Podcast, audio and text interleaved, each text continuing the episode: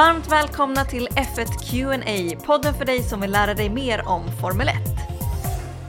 Mitt namn är Lina. Och jag heter Simon. Och vi är två vänner som har startat den här podden tillsammans. Främst för att jag som nytt fan av sporten vill dra ut all min kunskap jag kan av Simon som har bättre koll. Du har följt den här sporten eh, länge. Ja. Minst tio år, eller hur var det?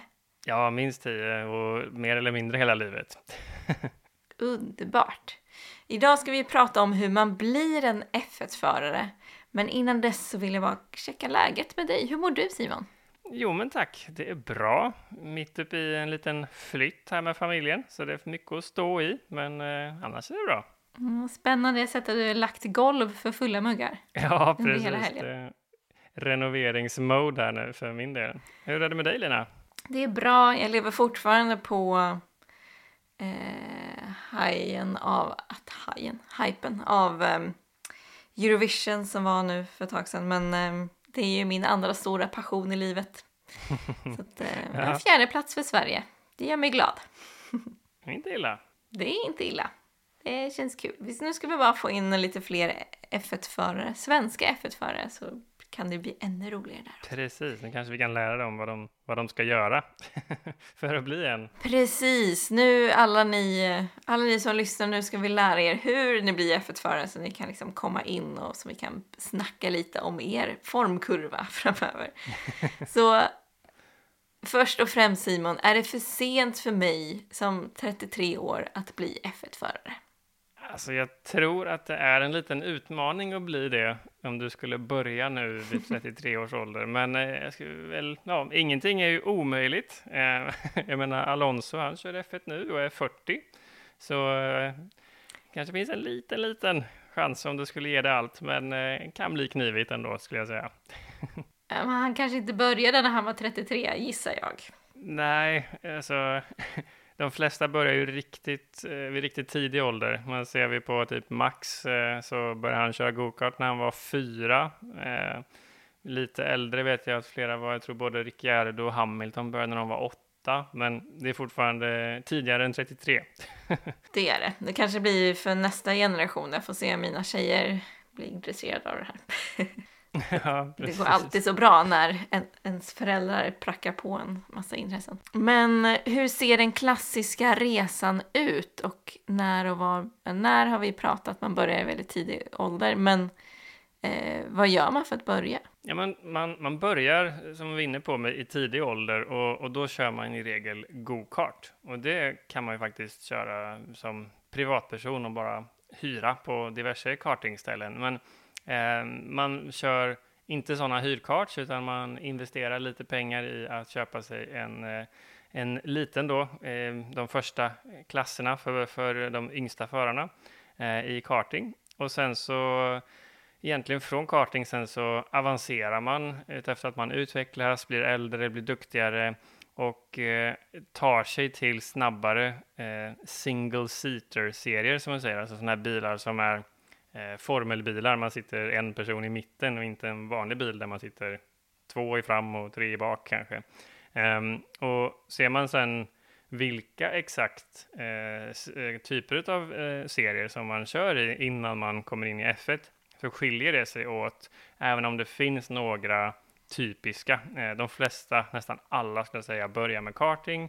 Eh, tar vi sen till exempel Hamilton som ett exempel, så såg hans steg till F1 ut som så att han körde flera olika serier karting och sen när han var tillräckligt duktig så fick han kliva upp i Formel Renault som är en, en ser ut, för det otränade ögat ser det lite ut som en F1-bil, eh, men helt enkelt långsammare.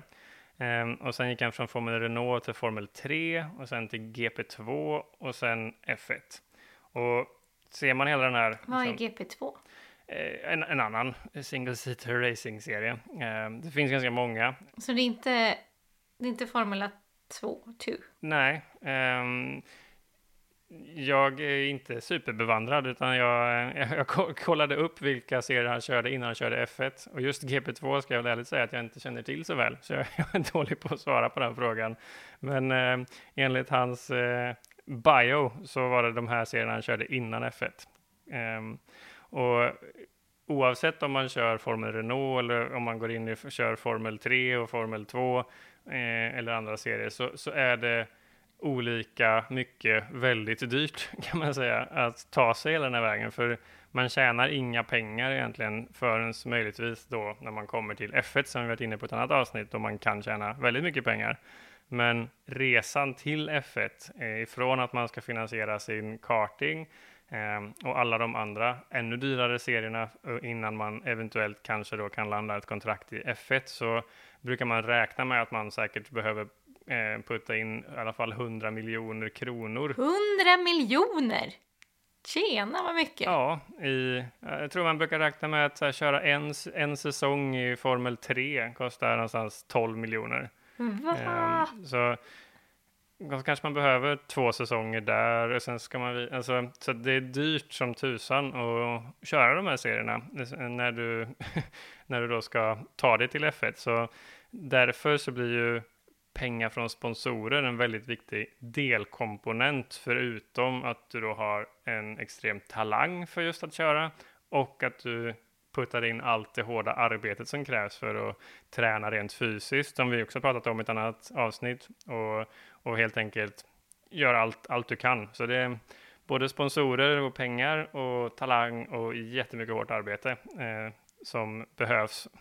Så ja, det är en liten resa. Det känns som att det är ganska många som faller bort rätt snabbt där när man avancerar uppåt i, i ligorna. Så är det. Jag menar, i F1 så är det ju de 20 bästa, beror ju på hur man ser det, men ish de 20 bästa förarna i hela världen i alla serier som, som finns. Så att det är ganska många som försöker och drömmer om F1 som inte når till F1. Betydligt många fler än de som faktiskt lyckas komma dit. Och ibland kanske det är eh, ekonomi och ibland är det talang och ibland är det arbe hårda, hårda arbetet som är det anledningen till att du inte lyckas. Ehm, och såklart, lite otur kan väl spela roll ibland också. Ja, men fin vad finns det för krav för att få köra F1, om det finns några? Jo, men det finns faktiskt krav och eh, senast jag, jag, jag, läste en del om dem var att eh, var efter att Max började köra, för Max Verstappen som han började köra som 17-åring var ju lite roligt nästan att han körde F1 men inte hade körkort för att köra på vägen. Fick inte köra vanlig bil, men han körde F1-bilar. Eh, men då ändrade man faktiskt och sa att eh, ändra reglerna, så han kommer ju för alltid att vara den yngsta eh, personen som har kört F1 eftersom att man nu måste vara 18 och han var 17 mm. när han började. Och man måste också ha ett, en, ett körkort för vanlig väg för att få köra F1. och sen finns det... Jaha. Ja, så eh, lite komiskt nästan att du behöver ha ett vanligt körkort för att köra F1, men det är en, en av kraven. Och sen är det lite mer racingrelaterade krav, förutom åldersgräns och körkortskravet, och det är att du behöver ha en internationell, det som kallas för Grade A, tävlingslicens, eh, racinglicens helt enkelt. Du behöver eh, ha klarat FIAs teoriprov för F1-regler, och sen så måste du ha eh, slutfört minst eh, 80 procent två säsonger i vissa qualified single seater championships. Så alltså de här klasserna som jag pratade om innan, typ, eh, jag vet inte exakt nu, eh, det är en lång lista på eh, de som är qualified, men till exempel då Formel 3 och Formel 2, och alla de där är ju qualified. Så du måste ha gjort minst 80 procent i två säsonger. Och sen finns det någonting som heter Super License Points. Och eh, då, det är helt enkelt att du måste också, du kan inte bara ha kört 80% av två säsonger i någon av de här serierna, utan du måste också ha eh, samlat på dig 40 Super License Points eh, över tre säsonger i någon, något av alla de här eh, typerna av championships som finns eh, för andra lägre serier av racing då, så att säga. Så du måste, måste eh, ha kört innan i de här lägerserierna och du måste ha varit duktig för att ens få köra F1. Det låter ju rimligt på ett sätt, men det är ju en gedigen lista ändå. Mm. Vi skulle i alla fall, du och jag, klara 18-årsgränsen och körkortet. yes, två! två kan vi bocka av. Det känns ju bra. Nu snart, snart är vi där, ja. känner jag. Det, det, behövs lite, lite äldre eh, i, i, i serien, höll på säga. Men ja, kanske inte. Men eh, vi pratade också om att det var väldigt dyrt. Jag kan ju tänka mig att det, det är få som betalar i egen ficka om man inte kommer från eh, en välbärgad bakgrund. Men vad krävs det för att bli upptäckt av en typ talangscout eller Eh, för att bli del av en academy som jag sett att det finns en del stall som har. Alltså, kortfattat kan man säga att det är, det är extremt svårt att bli upptäckt och, och antaget till en sån här academy. Eh, men, men de här academies, eh, academies eh, i sig är liksom en organisation som drivs av F1-teamet för att hitta helt enkelt nästa generations största talanger. Eh, man vet ju att man kan inte ansöka, utan det handlar helt enkelt om att köra på i den serien där du är och eh, påvisa grymma resultat, eh, uppvisa stor talang och, och, helt enkelt sticka ut ur mängden med att du är exceptionellt duktig. Och skulle det vara så att du sen väl får frågan att komma med, eh, så då får man ju som du är inne på ganska mycket hjälp. Jag menar, dels så får man ju säkert, eftersom det är så svårt att komma in, en stor självförtroende-boost. Eh, men sen får man också mycket hjälp med liksom, planeringen av din framtida karriär och du får ju jättemycket kontakter såklart. Du får hjälp med träning, du får hjälp att hitta sponsorer, du får hjälp med din PR och så vidare. Så eh, det är en jättestor hjälp samtidigt som eh, många av de här academies har ju liksom ett rykte av att vara ganska, ganska no mercy, ganska grymma. Eh, det sägs typ som i, i Red Bull Junior Team så ja, men det, även om du har kämpat jättelänge för att komma med, har du ett gäng dåliga race i rad så kan du bli kickad. Så det är absolut ingen garanti att du kommer in i F1 om du kommer in i Academy. Men det är definitivt en, eh, en, ett väldigt, en väldigt bra eh, fjäder i hatten på vägen om du ska köra F1, helt klart. Ja, men för hur kommer man in i F1 och får en plats? Ja, ja men som vi var inne på innan så det är ingen lätt sak. och det är ju, ska ju i regel vara de 20 bästa förarna i världen så, så det är väldigt många fler som misslyckas än som lyckas. Men eh, exakt vilka det är är lite nyckfullt. Eh, det handlar ju om dels att man i princip aldrig eh, tar in en ny förare annat än när ett befintligt kontrakt går ut. Eh, så därför så handlar det om att du måste vara bra precis perioden innan rättskontrakt går ut för att få frågan. Eh, men eh, eh, det är också beroende lite grann på då vilket team det är som har en vakant position.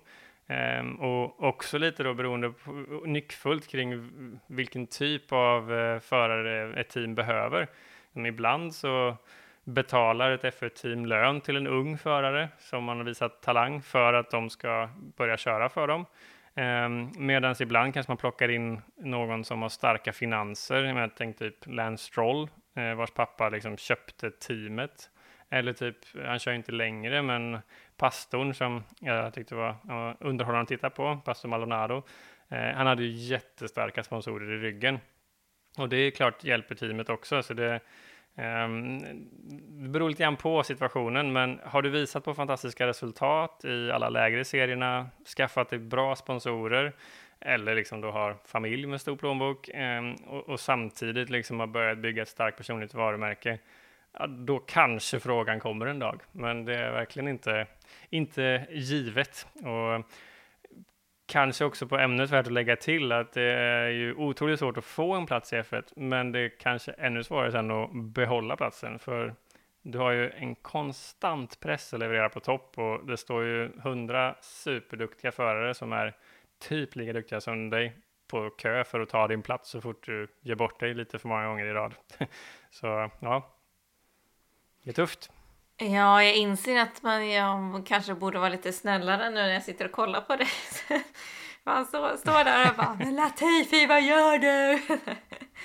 är du dum i huvudet? Ja, inte så kanske. Men eh, det är ju lite så snacket går. Att det är vissa, vissa förare som man kanske stör sig på. Men de är ju faktiskt också väldigt duktiga.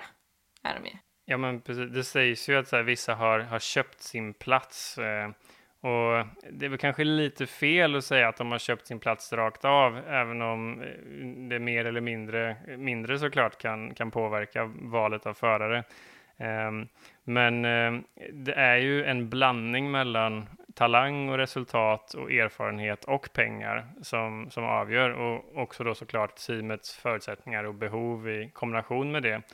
Ehm, så jag skulle säga, också om du tittar på de kraven som är innan att du måste ha kört de här säsongerna innan, du måste ha samlat på dig ett visst antal eh, poäng i de här kvalificerade racen för att ens få lov att köra. Så, så även de som kanske då lite lättsamt sägs i media eller bland fans att ha köpt sin plats så är de ju fantastiskt duktiga förare som har slitit hårt sedan de var väldigt unga. Eh, men att de har haft pengar har ju såklart varit en enorm fördel hela vägen. Ehm, de har i alla fall inte haft det problemet liksom, som många, som alla som inte har pengar behöver jobba ännu hårdare för att, för att få. Men jag skulle säga att alla som säger att de har köpt sin plats och därmed är dåliga förare är ju 100% säkert sämre förare än dem. så de är definitivt inte dåliga på att köra bil. ja, jo men det, det, det kan jag nog skriva under på. Eller det kan jag verkligen se framför mig. Att så är det ju definitivt. De är inte dåliga förare bara för att de har kommit in på ett annat sätt. Nej, men, men det är ju dyrt som tusan att, att komma igång. Så att det är ju, jag ska säga att det är ju det är exceptionellt svårt att ens komma igång liksom med, med gokart de första åren om du inte har relativt sett god ekonomi. Eh, så på så vis är det ju en ganska det, det, är svårt för eh, någon eh, med lägre inkomst att ens påbörja karting-serien för att det är mycket pengar som en, även där behöver gå in i material och resor och fruktansvärt mycket uppoffringar som behöver göras på från tidig ålder eh, från föräldrar eh, för att det ska kunna gå. En ganska exkluderande sport mm. på så sätt, ja. med, om man tänker samhällsklasser. Så är det definitivt. Men finns det exempel på förare som tagit sig in i F1 på annat sätt än som till exempel Hamilton har gjort? Ja, alltså det finns förare som inte har gått via de här single seater serierna, som, mm, även om det är absolut vanligast eh, vägen. Sen kan man gå lite olika, liksom, om man har kört, det är inte alla som har kört Formel 3 eller Formel 2 eller eh, Formel Renault, utan de har tagit, det, det, finns så pass många att man kan ha gått olika vägar, men i regel så har de flesta gått via single seater racing. Men det finns förare och ehm, eh, jag vet till exempel att Toro Rosso för ett tag sedan tog in eh, Hartley och han gick ju från, tror det var när han körde LMP1-serien med Porsche, att han vann det och så gick han direkt från det. Och det är ju inte en sån här klassisk single seater-väg. Så det är klart, du måste utmärka dig om att du är en exceptionellt duktig racingförare. Men det finns inga måsten att du måste ha kört en viss klass innan, annat än att han måste då vara ett kvalificerad, men det är väldigt många som, som är det. Ehm, så, så, så det finns andra sätt, andra vägar att gå, men i regel handlar det ju om att alla vägar är ju att du behöver ha kört eh, som då jämfört med F1 lägre klasser, vilket är alla, men lägre klasser men tillräckligt höga och uppvisa tillräckligt goda resultat. Eh, men det, det, finns ändå flera typer av racing du kan ha kört. Det finns inga andra nya sätt att ta sig in i F1? Nej, inte direkt så, men, men jag tror faktiskt att, eh, att e-sporten som växer som tusan och väldigt många för det är ju många som kör det bara för skojs skull, men också börjar köra det professionellt och tävla inom F1, inom e-sport. Och jag vet att eh, F1 har ju till och med ett eh, officiellt form, Formel 1 e-sportlag och där har vi ju inte alls samma ekonomiska investering. Även om det är jättedyrt att köpa en simulator likt de F1-förarna har så kan du ändå Ehm, det är fortfarande väldigt mycket mindre pengar än att tävla i någon av de här andra serierna. Ehm, vi pratar om kanske några hundratusen kronor istället för liksom många, många, många miljoner kronor. Ehm, och där är det nog inte helt omöjligt med tanke på att det börjar bli så likt riktig racing att om du eh, om du verkligen lyckas inom e-sport och, och, får plats i de, till exempel det officiella F1 e-sportlaget och bevisar dig där så kanske du kan via alla kontakter du får där få sponsorer. Men sen måste du in i någon av de här kvalificerade serierna. Men du kanske kan skippa kartingen och köra e-sport framöver och sen gå därifrån med sponsorer och nätverk till till exempel Formel 3 och kanske samtidigt också hjälpa eh, det teamet du kör för som testförare för deras simulator eftersom de testar bilen i simulator väldigt mycket där. Ehm, men Sen måste du köra då till exempel Formel 3 och någonting annat under F1 för att samla ihop de här poängen och licenser och så här. Och, eh, för att få köra F1, men starten kan nog ändra sig med e-sport. Det tror jag inte är omöjligt alls. Det låter ju riktigt häftigt.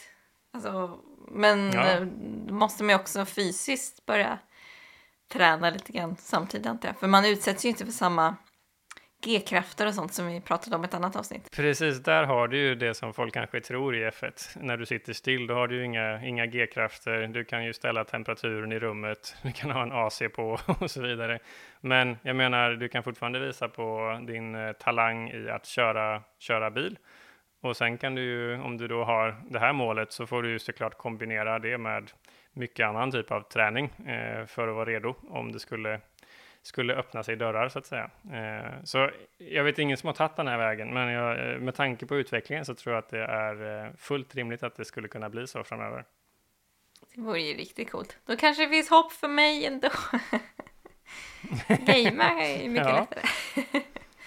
Ja, om inte annat så kan man ju köra F1s eh, officiella spel. Det är ju super, superbra. Eh, och skaffa sig en simulator om man är riktigt inbitet F1-fan. Jag har ju kört en del hemma med enk väldigt enkel simulator, men ändå kört med mina små grabbar och visat dem hur man kör, kör racerbil på datorn. Ja, just det. Gulligt. Ja. Ja, men det är bra. Det kanske är där man får starta och kanske växer ett intresse. Men vad spännande. Det är ju, jag hoppas att det, det kan utvecklas åt det hållet. Det hade varit väldigt kul. Ja, vi får se, får se. Men det, jag tycker det tyder på det i alla fall. Men sen kommer det alltid vara, det är så många till aspekter som du är inne på med fysiken och, och, och, och, annat som, som måste till så att jag tror det kommer påverka starten av resan mot F1 om någonting, men inte direkt från e-sport till F1. Det tror jag inte kommer ske.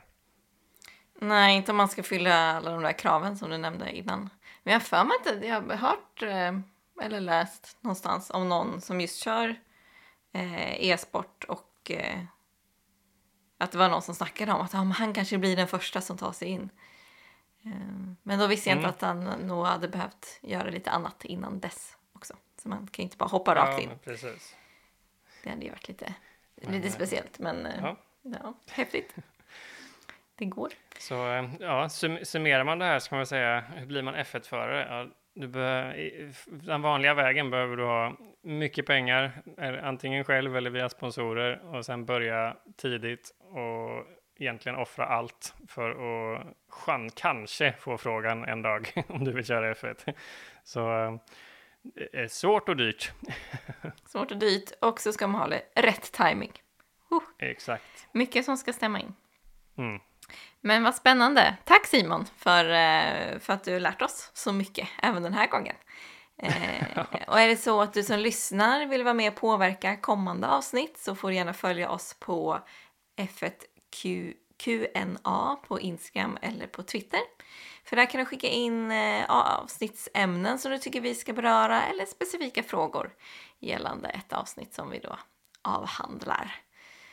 Så det tycker jag att du ska göra om du inte redan gör det. Och tipsa gärna dina vänner om podden så att vi blir ännu fler som lyssnar. Så eh, tack för den här gången. Ja, men Så- tack. Hörs vi snart igen. Det gör vi. Om en vecka sådär. Ja, ha det så bra. Hej hej!